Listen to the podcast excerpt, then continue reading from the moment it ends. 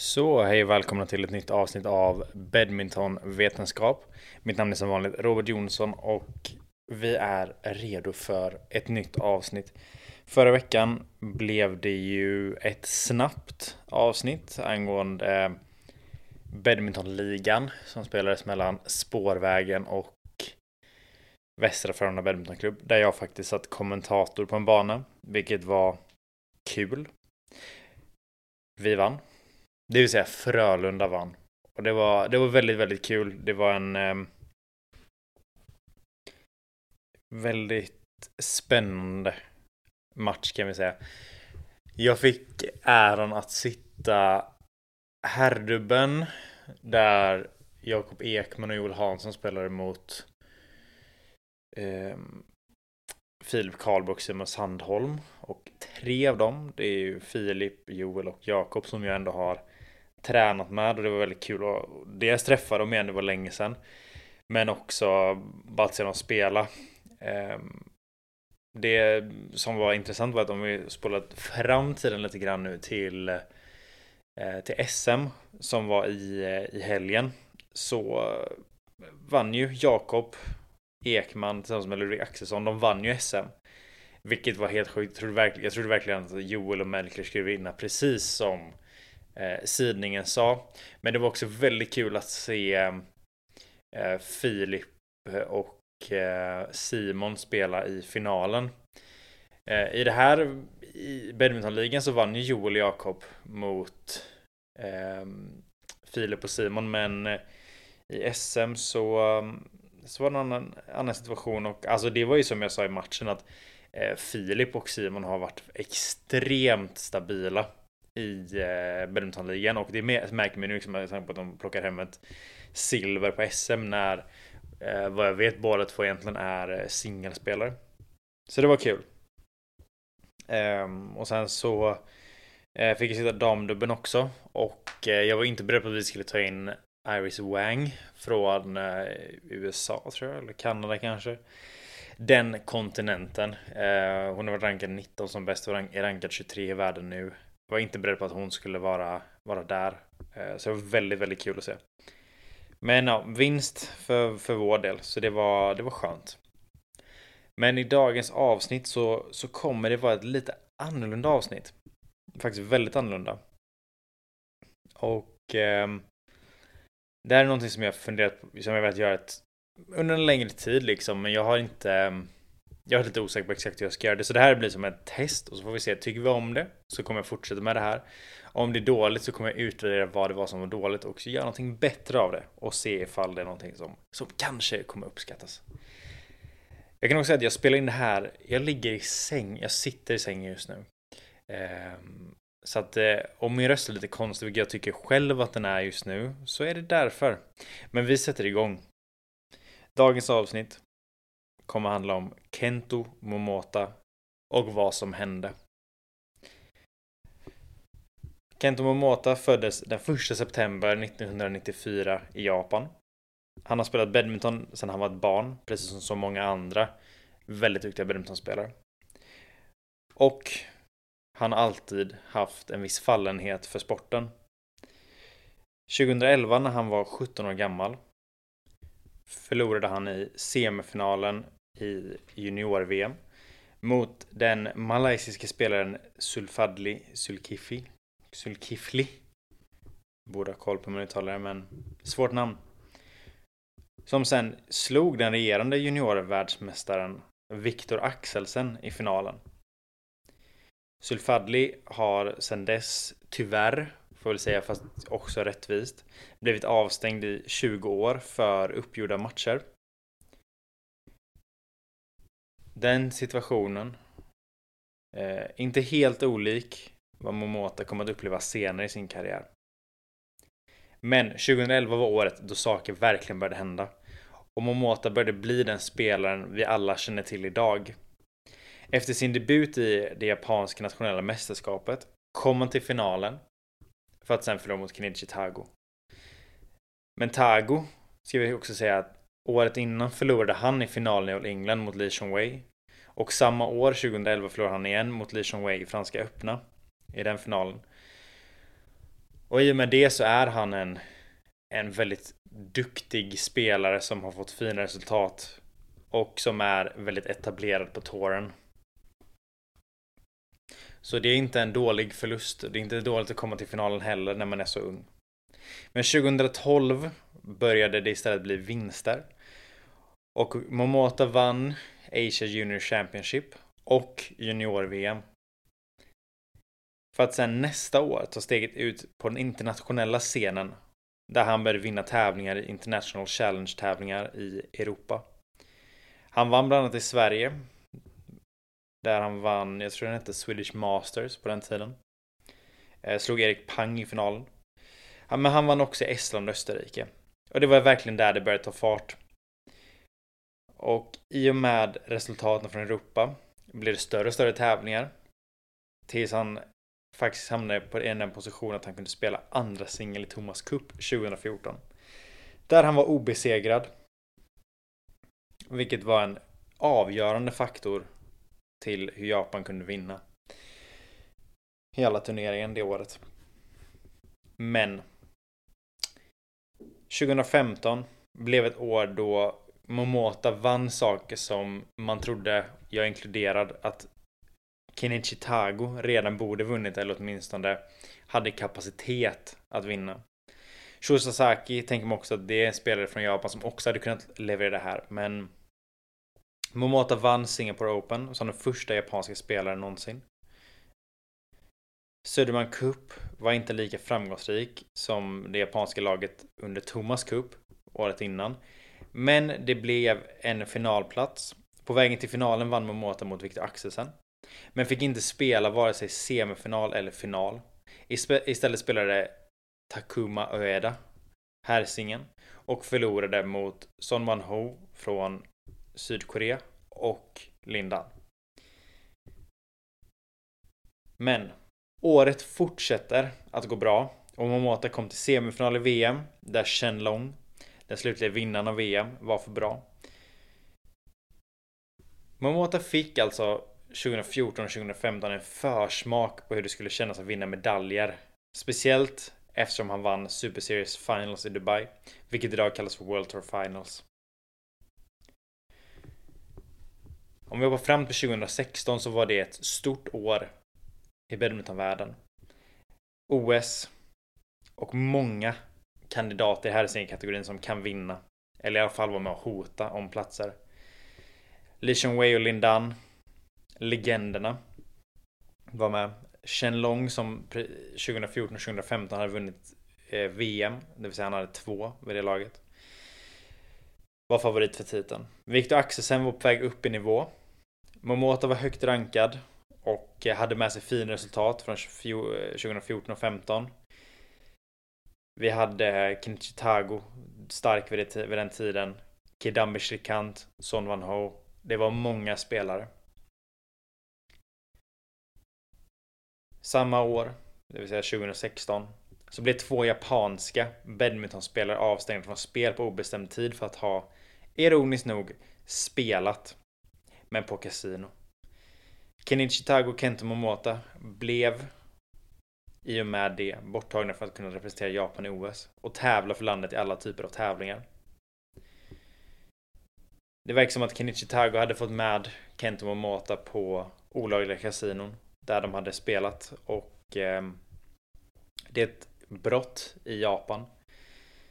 Så det var inte BVF eller eh, IOK, det vill säga Badminton World Federation eller eh, Internationella Olympiska Kommittén som stängde av spelarna.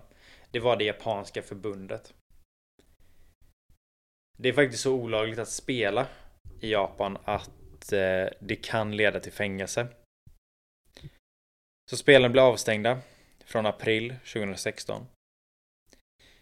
Men det dröjde inte länge innan Momoto fick återgå till träning. Men, in, men han fick fortfarande inte tävla. Han blev avstängd i 30 dagar från sin klubb. Men det var på obestämd tid han blev avstängd från att tävla. Ingenting syntes eller hördes förrän han fick möjlighet att tävla igen. Dock, med en ranking på 282 i världen blev det ingen All England. Eller några andra stora tävlingar. Kento Momota var tvungen att börja om igen. Innan avstängningen vann han India Open 2016 mot Axelsen. Som sen gick och vann brons i OS. I juli 2017 var det dock dags att tävla igen. Över ett år efter avstängningen har Kento Momota enbart tränat och spelat en tävling, Japanska mästerskapen. Där blir det en förlust mot Richi Takeshita som sedan vann tävlingen. Och det är inte illa efter att inte ha tävlat på så lång tid. Canada Open blev den första internationella tävlingen efter avstängningen. Men på grund av ranken fick han ju kvala. Och det gjorde han utan några som helst problem. Det blev inte en utmaning förrän Mark Kaljov, 12 sidad, mötte Momota i tredje ronden där siffrorna blev 21-17, 21-18. Fördel Momota. Det var det närmaste han vart för att eh, tappa ett set, om vi säger så. I semifinalen blev det en bekväm vinst mot landsmannen Kenta Nishimoto.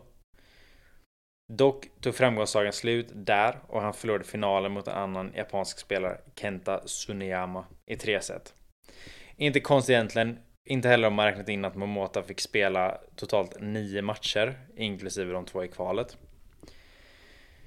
Och Kenta Suneyama ska vi inte ta ifrån någonting. Han spelade otroligt bra den tävlingen.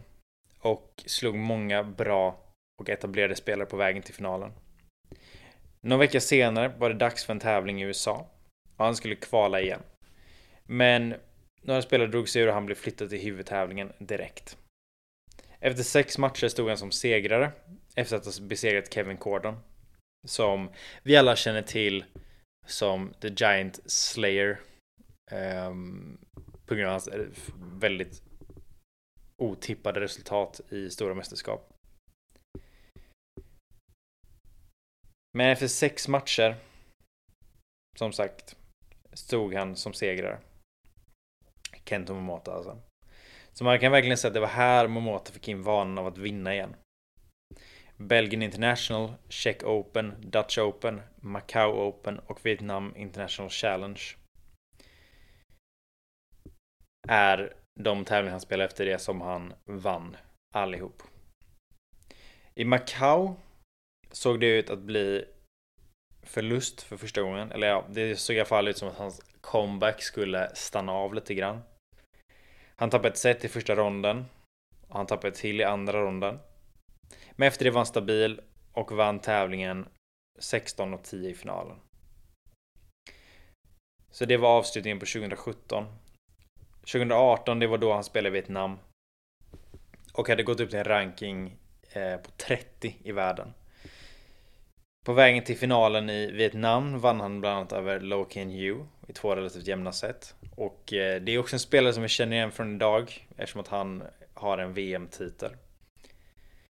Vi har en annan intressant grej, det var att Europa slog han Li Xia som också är väldigt duktig just nu. Men som ett resultat av de här fina ja, resultaten så har han fått en bra ranking som är tillräckligt hög för att han ska kunna börja spela de stora tävlingarna utan att kvala och vara garanterad att vara med. Först på listan var Asiatiska mästerskapet. Vi kan säga att han har vunnit 48 matcher i rad i de här lättare tävlingarna fram tills dess. Men nu väntade det riktiga testet. På hans del, eller hans sida av lottningen väntade motstånd som Ten Min Nguyen från Vietnam, Xi Yuxi från Kina, Xu Tianchen från Chinese Taipei och Li Chongwei. Och han tappade bara ett set mot alla de här giganterna och i finalen väntade Chen Long. Siffrorna blev 21-17, 21-13 fördel Momota. 54 vinster i rad inklusive 6 mot världens absolut bästa spelare. Momota är tillbaka. Han är kanske till och med bättre än vad han var innan avstängningen. Lite senare dags för Malaysia Open, turnering som alltid har dominerats av Lee Chong Wei, i alla fall de, de senaste 12 åren som han spelar. Momota får en tuff lottning. Ginting i första, Son Wan Ho i andra, Shu Chen Kidambi Shrikant och sen Li Wei. Fram till finalen hade han vunnit 59 matcher i rad. Men där tar det slut. Li Wei vinner titeln. Och det var vad man trodde skulle bli en ehm, ett uppvaknande kan vi säga där där, eh, där luftslottet spricker lite grann. Men veckan efter, eller någon vecka senare i Indonesia Open så möter Li Wei Kento Momota igen. Momota vinner. Och sen vinner han även finalen mot Viktor Axelsen. Efter avstämning, avstängningen heter det och comebacken var Momota en av de mest dominanta spelare som nästan hela idrottsvärlden skådat. Det var sällan någonting annat än en annan färg på en medalj än guld. Han vann VM 2018-2019 Och Lingland och AC Championships 2019. För att nämna två av de elva titlar han vann det året. 2020 började bra med en vinst i Malaysia Masters mot Victor Axelsen. Som verkligen börjat utvecklas till den spelare han är idag. Momota hittar här sitt sätt att spela. Så är det omöjligt för motståndaren att attackera och ta initiativ. Han spelar in bollen lite, lite längre än vad man brukar göra i defensiva positioner. Istället för att slå en pressad backhand clear så trycker han alltså in en en väldigt flack dropp lite längre in i planen så han får mer tid att komma in i banan. Och han tar bort vinklar genom sitt nätspel för motståndarna. Han, om vi kombinerar det med hans extremt snabba fotarbete, galna defensiv, otrolig touch och hans fina teknik så har alla motståndare problem med honom. Och vi kan lägga till hans fysik på det. Han blev aldrig trött. Dock väntar katastrofen. På väg till flygplatsen krockar Momota. I en så kraftig krock att hans förare dör. Momota överlever, men upplever dubbelsyn, double vision på engelska, och behöver opereras nära ögat. Detta fördröjer givetvis återhämtningen och tiden det tar innan han kan börja träna och tävla som vanligt. Mitt i detta kommer covid och alla tävlingar ställs in. Vilket på sätt och vis är positivt för Momota då han, tappat sin, då han hade tappat sin ranking eftersom att eh, det dröjde lång tid innan han var återställd och kunde tävla igen. Efter det så har vi mest sett glimtar av den fåne Momota. När han verkar vara på god väg att vara sig själv igen i juli 2022 eh, i och med tävlingen Malaysia Open. Efter två vinster på Vio tog han sig till final på ett rätt övertygande sätt. Men som det så ofta kommer vara från och med Eh, 2022 så tog det slut i finalen mot Viktor Axelsen. Momota fick nöja sig med 11 poäng om man summerar poängen i hela finalen. 4 och 7 blev siffrorna för de två seten. Efter det har det inte varit mycket positivt för Momota som förlorat fler matcher än han vunnit och som inte längre går eh, vidare från första eller andra ronden generellt sett. Och det är väldigt hemskt att se hur det har gått för Momota. Jag var och är ett stort fan. Jag vill se att det går bra för honom. Hans karriär förtjänar mer än det här. Trots att han redan vunnit två VM-guld, vilket är mer än vad till exempel Li Wei har vunnit som är en legend. Men han förtjänar mer. Han eh, förlorade först, han kom inte vidare ur gruppen i OS. Han eh, fick inte delta 2016 på grund av sin avstängning, så han har inte haft tur där. Men vad jag skulle, vad jag tycker att Momota borde göra är att börja om från början verkligen börja om från början på nytt. Just nu är han rankad någonstans typ 27-30 i världen. Jag ska kolla upp det här exakt. Så han får fortfarande vara med i de stora tävlingarna. Men frågan är, borde han det? Personligen så tycker jag att han ska välja ut några som han verkligen vill spela. I typ hallar och länder som han tycker om. Där han har liksom rätt bra övertag. Eller där han har eh, någonting som passar hans spelstil. För om det är någonting som saknas nu så är det självförtroende. Precis, Momoto är rankad 23. Han är fjärde rankad japansk spelare. Och den rankingen kommer att fortsätta sjunka om det fortsätter som det gör nu. Men jag tycker han ska spela några små tävlingar. Få upp vanan att vinna igen. Få tillbaka sitt självförtroende. Lära sig hur han ska spela för att vinna.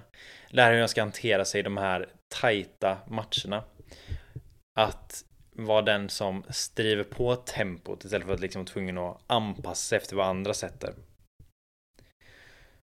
Och det låter kanske konstigt att han måste typ lära sig spela igen.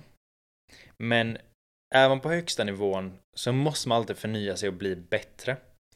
Kidambe Shrikant har haft problem i flera år med att hitta nya vapen som han hade när han var högt rankad. Eh, han var till och med världsetta ett tag och ehm, var livsfarlig att möta. Men när spelare listar ut hans vapen, hans attack, hur han vann poäng och hur man skulle spela mot en sån spelare. Sen dess har vi inte sett honom, eh, förutom vissa, vissa enstaka tävlingar här och var. Och det är för att han har svårt att hitta nya sätt att vinna på. Kollar vi på Axelsen, han har hela tiden blivit bättre. Han hittar alltid nya saker att jobba på.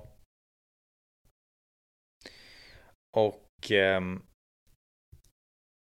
det är någonting som jag verkligen tycker att Momota också måste göra. Liksom, som sagt, kolla på Axelsen när han vann VM 2017. Då var han en bra spelare. Men han är så mycket bättre nu. Det går knappt att jämföra det.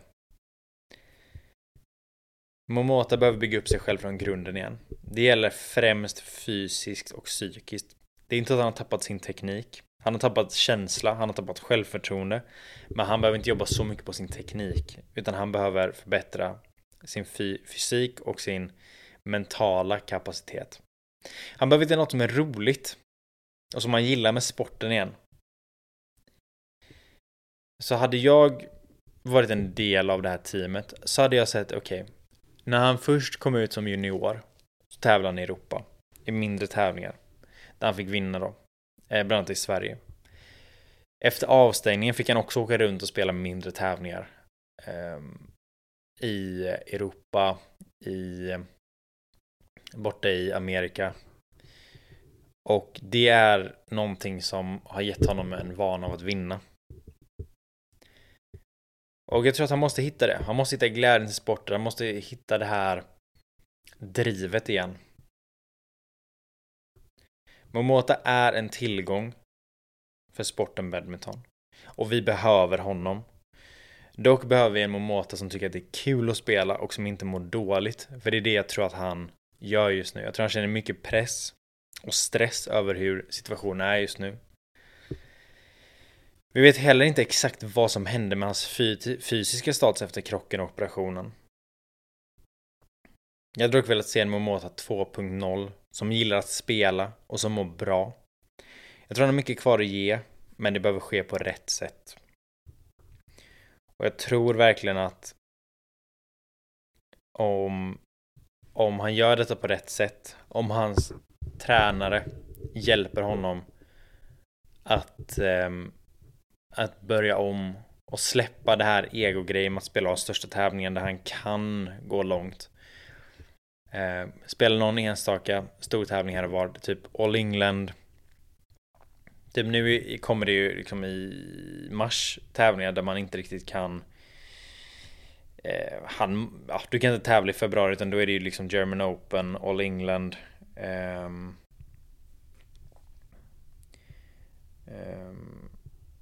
som går parallellt som en eh, Super 100 tävling i Kina.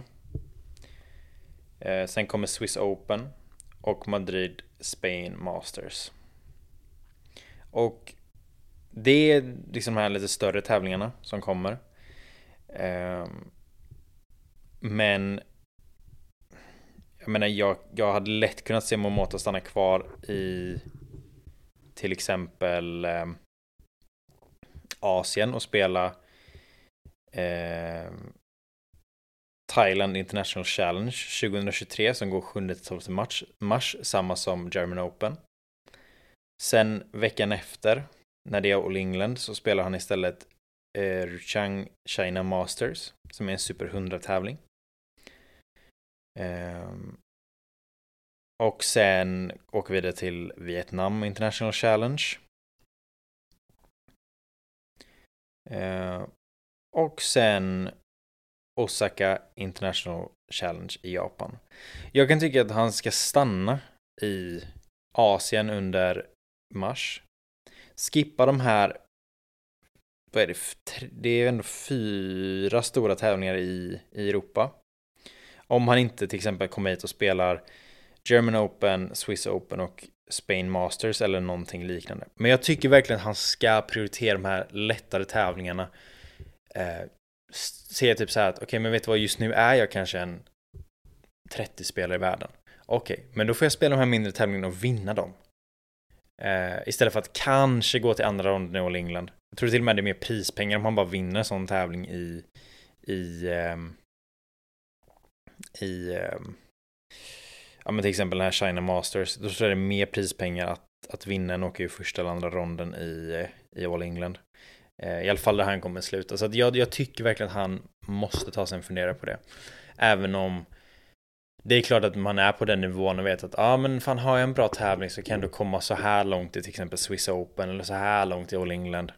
Och i och med det tjäna så här mycket pengar, få så här mycket ranking. Men jag tycker verkligen att stanna i Asien, spela de tävlingarna nu i, i, ehm, i mars. Och sen när april kommer, då kanske man ska börja liksom fundera på att gå ut och spela lite mer, eh, ja men lite större tävlingar kanske. Eh, finns inte så många just då, men, men att ändå liksom ta den där liksom lilla pausen eh, och, och bara lära sig vinna igen. För när man ser honom spela så ser vi också att han har inte samma fysik liksom. Han kan inte...